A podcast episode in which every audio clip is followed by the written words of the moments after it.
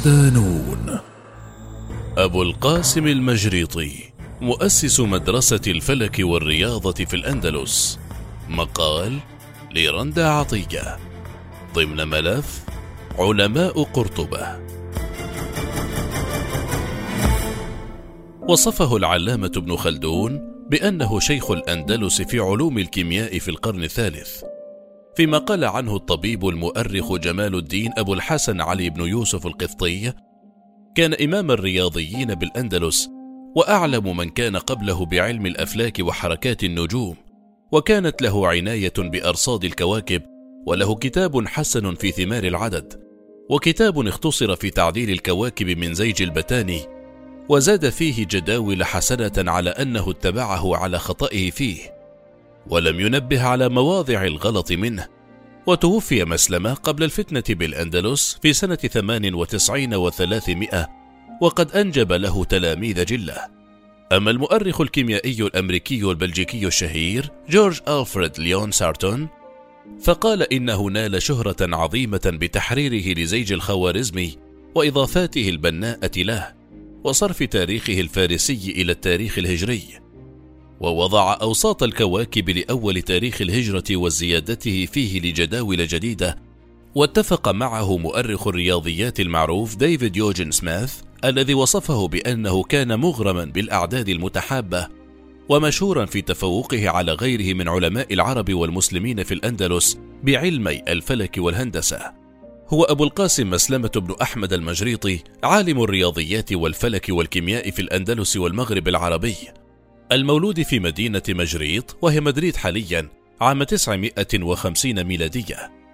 وعرف بإمام الرياضيين ومنقي الفلك والكيمياء من شوائب الخرافات والأساطير التي كانت مسيطرة خلال العصور التي سبقته. وعلى مدار 57 عاما هي سنوات عمره كاملة حيث توفي عام 1007 ميلادية. استطاع أبو القاسم تخريج أجيال من علماء الفلك والكيمياء والرياضيات ممن حملوا مشاعل التقدم والنهوض لاحقا وكانوا نجوما يشار لهم بالبنان في تلك العلوم. فهو صاحب أول مدرسة علمية متخصصة في الأندلس وحملت اسمه المدرسة المجريطية. وكان لها دورها الفعال في إثراء النشاط العلمي إبان الحكم الأموي للأندلس. فماذا نعرف عن هذا العلم الفذ الذي سبق أقرانه من علماء أوروبا؟ بين قرطبة وبلاد الشرق. رحلة علم ممتدة. نشأ مسلمة المجريطي في بيئة تقدر العلم والعلماء ورغم انتمائه إلى أسرة فقيرة فإنها كانت غنية بالثقافة والعلوم. فحرصت منذ البداية على أن تعلم ولدها وتؤهله لأن يكون قيمة مضافة إلى مجتمعها الضيق ثم تحليق عاليا ليصبح أحد أعلام الأندلس التي كانت تحيا في ذلك الوقت نهاية القرن العاشر الميلادي. أزهى عصور حضارتها. ونظرا لعدم وجود علماء متخصصين في مجريط مسقط رأس أبي القاسم انتقل إلى قرطبة التي كانت في ذلك الوقت حاضنة العلم والعلوم. وكانت تزخر بعشرات العلماء في شتى التخصصات وهناك تتلمذ على أيديهم ونهل منهم وعنهم فأصبح ذا شأن في العلوم كلها خاصة الكيمياء والرياضيات والفلك بشهادة علمائه وشيوخه. لم ترض قرطبة نهم مسلمة المتعطش للازدياد من روافد العلم التي لا تنضب. فأجرى رحلة إلى بلاد الشرق ينهل من علمائها قدرا من العلوم والثقافات لا سيما المتخصصين في المجالات التي يحبها الفلك والهندسة. وبالفعل كان له ما أراد إذ تتلمذ على يد عدد من العلماء المشهود لهم في الشرق ومنهم عالم الهندسة التاريخي أبو أيوب عبد الغفار بن محمد وأبو بكر بن عيسى صاحب المؤلفات المتعددة في علوم العدد والهندسة والنجوم. لا تذكر الروايات والكتب التاريخية معلومات كافية بشأن رحلة المجريط للشرق، غير أن كل مؤلفاته وأبحاثه اللاحقة وشهادات المؤرخين الموثقة تؤكد حجم الاستفادة التي تلقاها هناك، وإثراء فكره وعقله بكل ما هو جديد وحديث في مجالات الفلك والهندسة والرياضيات. ساعده في ذلك وجود كوكبة من العلماء المتخصصين حيث تبادل الآراء والأفكار والمقترحات والاكتشافات وتقييمها وفلترتها للوقوف على الغث منها والسمين النافع والضار. لم ينكر أبو القاسم فضائل علماء الشرق عليه وعلمه فكان كثير الحديث عنهم مقرا لهم بهذا الفضل وكم كانت المغريات بالبقاء في تلك البلدان الثرية بالعلم والعلماء غير أنه لا بد من العودة إلى قرطبة حيث حلمه القديم في أن يثري ترابها بمداد العلم الذي تلقاه في بلاد الشرق. وبالفعل عاد الرجل محملا بأوعية الفلك والهندسة والرياضيات ليدشن أول مدرسة في الأندلس لتعليم هذه المجالات الحياتية. لكن هناك معضلة ستقابل مهندس الأندلس وفلكها الأبرز. سياق لا بد منه. كانت تعاني قرطبة في منتصف القرن العاشر من أزمة علمية خطيرة تمثلت في منع وتحريم بعض العلوم الرياضية والفلسفية من فقهاء الأندلس كما أشار الباحث محمد عنبري فرغم النهضة الحضارية التي بدأت البلاد في استقبالها خلال هذا القرن فإن تلك المعضلة كانت الثغرة الأبرز في جدران حضارة قرطبة والأندلس. ويكشف عنبر أن كل من كان يشتغل في تلك العلوم الفلسفة والفلك كان يعرض حياته للخطر كونه يضع نفسه في مرمى الاستهداف السلطوي والمجتمعي. وهنا يقول المستشرق الإسباني عضو الأكاديمية الإسبانية والأكاديمية الملكية للتاريخ خوليان ريبيرا الذي عاش بين 1274 و 1354 هجرية الموافقة ل 1858 و 1935 ميلادية. فأساليب المنع والتحريم التي كانت تصل إلى الاضطهاد والقسوة وقد عبرت بهذا العلم الفلك في الأندلس فترات لم يكن يسمح للناس خلالها بأن يعرفوا منه إلا ما لا بد منه لتحديد اتجاه القبلة وتعيين مواقيت الليل والنهار على مدار العام لتعرف أوقات الصلوات. فإذا تجاوز الإنسان هذه المطالب من هذا العلم فقد غرر بنفسه. وأما الفلك فقد كان محرما مع أنه أقرب إلى العلم والعقل. وفي عهد الدولة الأموية في الأندلس خاصة في فترة ولاية الخليفة عبد الرحمن الناصر لدين الله بين 277 و 350 هجرية و 891 و 961 ميلادية كان يتم استهداف الفلاسفة والفلكيين لأسباب دينية إذ كان الفقهاء يرمون من يشتغل بتلك العلوم بالزندقة. وقد دفع الخليفة ذاته لملاحقة أتباع ابن مسرة للقضاء على مذهبه.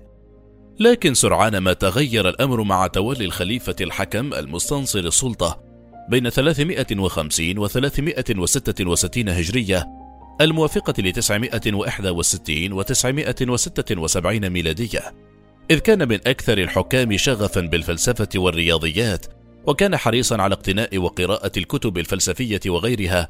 وفي هذا الشأن يقول أحمد بن صاعد الأندلسي في كتابه طبقات الأمم لما مضى صدر من المئة الرابعة انتدب الأمير الحكم المستنصر بالله إلى العناية بالعلوم واستجلب من بغداد ومصر وغيرهما من ديار المشرق عيون التواليف الجليلة والمصنفات الغريبة في العلوم القديمة والحديثة وجمع منها ما كان يضاهي ما جمعته ملوك بني العباس في الأزمان الطويلة. وما إن توفي المستنصر وتولى ابنه صغير السن هشام المؤيد بالله الذي سيطر عليه الحاجب المنصور الذي أحكم قبضته على السلطة حتى تبدلت الأوضاع مرة أخرى فأحرقت الكتب واستهدف العلماء وكان ذلك إذانا ببداية عصر تهجير العلماء من الأندلس وقرطبة فيما عادت اتهامات الزندقة والتكفير تلاحق الفلاسفة والعاملين في حقول الرياضيات والهندسة مرة أخرى. في تلك الأجواء القاتمة التي تخيم على الساحة، عاد المجريط إلى قرطبة التي كانت تعاني من هجرة علمائها وتجريف علومها، ليبدأ العالم الأندلسي في إعلان التحدي، عاقدا العزم على تخريج أجيال جديدة من العلماء تعوض الراحلين، وتكون نواة لنهضة علمية تشهدها البلاد، لتستعيد بها أمجاد الماضي.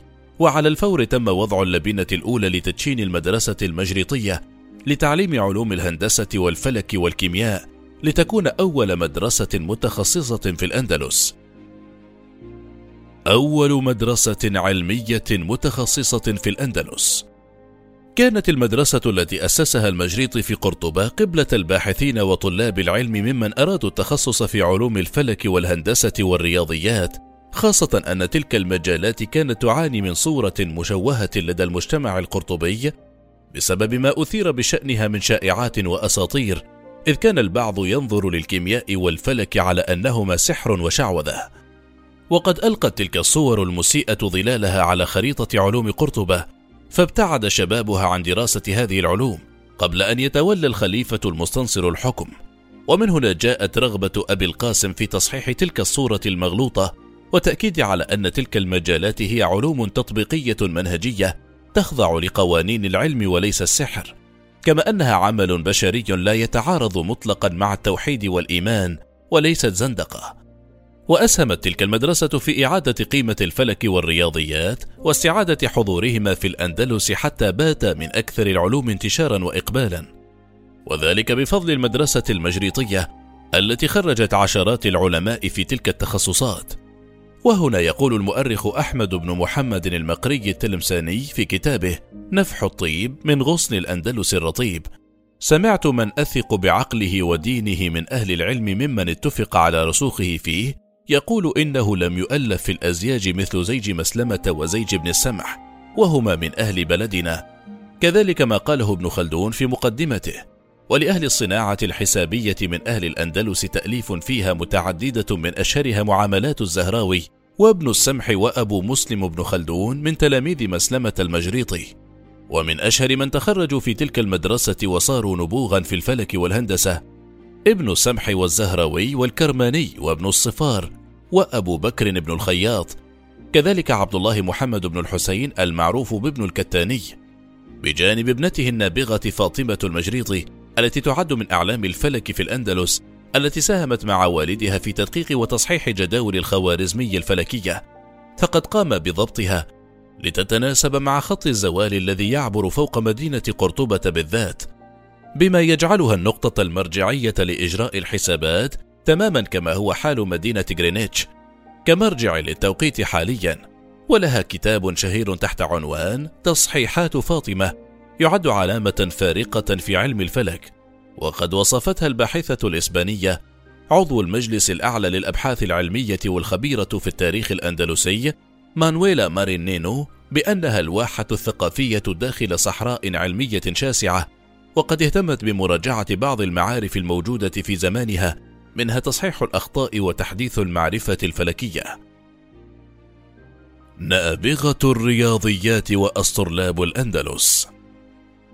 سبق المجريطي أقرانه من علماء الأندلس في علم الفلك فكان أعلمهم وأكثرهم دراية بأرصاد الكواكب وحركة الأفلاك والنجوم وله العديد من المؤلفات التي لا تزال باقية حتى اليوم في هذا المسار التي أحدثت تطورا كبيرا في علم الأسطرلاب القياسي كما أضاف لعلماء اليونان ونقح مؤلفاتهم وأثراها بنصوصه وتفسيراته الفلكية.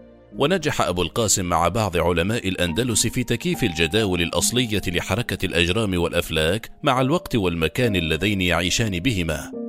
فاستبدل التقويم الفارسي الشمسي الذي كان مستخدما في جداول محمد بن موسى الخوارزمي إلى التقويم الهجري الإسلامي. كذلك الحسابات الجغرافية الأخرى حتى تحولت قرطبة إلى مرجع للحسابات الجغرافية والزمنية. وينسب للمجريطي أنه أول من علق على كتاب بطليموس المشسطي وخريطته الفلكية ونقله إلى العربية والجداول الفلكية للخوارزمي وأحدث إضافات كبيرة في دراسة حركة النجوم والكواكب وتتبع مساراتها وكيفية تحديد المكان والزمان عبر أدواته التي أثراها بدعم تلاميذه وأقرانه. ومن الفلك إلى الكيمياء، إذ أرسى العالم الأندلسي قواعد هذا العلم على أسس علمية بحتة، بعيدا عن تشعبات السحر والشعوذة والزندقة كما كان يتهم بها في السابق. وفي هذا المسار ألف كتابين يعدان من أهم المؤلفات في هذا المجال، الأول كتاب رتبة الحكيم ومدخل التعليم في الكيمياء، الذي يتضمن مقدمة وأربع مقالات أكد من خلالها العالم الأندلسي على أهمية دراسة الرياضيات بشتى فنونها. كونها بداية الطريق العلمي نحو دراسة الكيمياء فكلاهما يعتمد على التفكير المنطقي والاستنتاجات التي تعتمد على مقدمات ونتائج وكان الهدف من ذلك إثبات أن الكيمياء علم له مقدمات تقود حتما إلى نتائج وفق معدلات معروفة. وما إن انتهى المجريطي من تنقيح كتاب الرتبة شرع في كتابة مؤلفه الثاني غاية الحكيم الذي اعتبره البعض السيف الذي قطع به العالم الأندلسي رقاب الجهل في قرطبة جهل توصيف العلوم ونعتها بما ليس فيها ما كان له أثره السلبي على حركة النهضة والعلوم في ذلك الوقت قبل أن يتدارك الأمر أبو القاسم وغيره من علماء الأندلس. يقول المجريطي مستعرضا مبررات تأليفه لهذا الكتاب فالمحرك لي لتأليفه ما رأيت أكثر أهل زماننا يبحثون عنه من أمر الطلسمات وفنون أنواع السحر وهم لا يعلمون ما يطلبون ولا لأي سبيل يقصدون. قد فنيت أعمارهم في مطلوب قد حيل بينهم وبينه لستر الحكماء إياه وإعراضهم عن كشفه لما فيه من خراب العالم ودثور. والله يأبى ذلك مصلحة لعالمه. فلذلك شيدوا أبنية البرابي ووضعوا فيها نقوشات الصور تنبيها وتذكية للعقل وخلدوا ما خلدوا في الكتب بالرموز والتعليمات لئلا يفهمها إلا الحكيم مثلهم وأفادوا فما بين ذلك. وبينوا الأسرار لمن عقل عنهم. فرأيت أن أبث للقوم وأشرح لهم الطريق المعمى في هذه النتيجة المسماة سيميا وأبين ما أخفى الحكماء من أمر هذه النتيجة السحرية كما فعلنا في النتيجة الصنعوية. وأقسم هذا الكتاب على أربع مقالات كما فعلنا في الرتبة كل مقالة منها مقيدة بعدة فصول. المقالة الأولى من النسب المقالة الثانية من الصور الفلكية وأفعالها المقالة الثالثة في حظوظ الكواكب والمقالة الرابعة في سحر الأكراد والنبط والحبشة. وقد أثرى أبو القاسم المجريط المكتبة العلمية بأمهات الكتب في الرياضة والفلك والهندسة منها كتاب الأحجار وكتاب شرح المشسط كتاب الأحجار وكتاب شرح المشسط لبطليموس وكتاب مفخرة الأحجار الكريمة وكتاب روضة الحدائق ورياض الخلائق وكتاب تمام العدد في الحساب وهو كتاب المعاملات وكتاب اختصار تعديل الكواكب من زيج البتاني ورسالة في الأسطرلاب وكتاب في التاريخ وكتاب في الطبيعيات وتأثير النشأة والبيئة في الكائنات الحية والرسالة الجامعة وكتاب الإيضاح في علم السحر.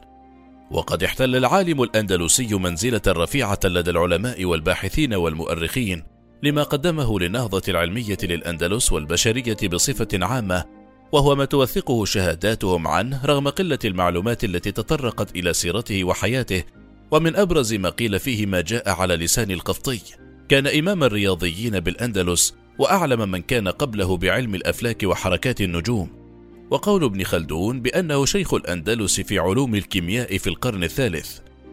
وبعد قرابة أربعة عقود كاملة قضاها المجريط في البحث والتأليف وتخريج عشرات العلماء وبناء جيل جديد للأمة الإسلامية والحضارية الإنسانية من العلماء الأفذاذ الفطاحل في الكيمياء والفلك والرياضيات. غادر الحياة في مدينة قرطبة تاركا خلفه إرثا من الإسهامات والإنجازات خلدت اسمه وسيرته لمئات السنين القادمة. ويشير الباحث محمد عنبري إلى أن وفاة المجريط كانت محل خلاف بين المؤرخين فقد انقسموا حيالها إلى ثلاثة آراء.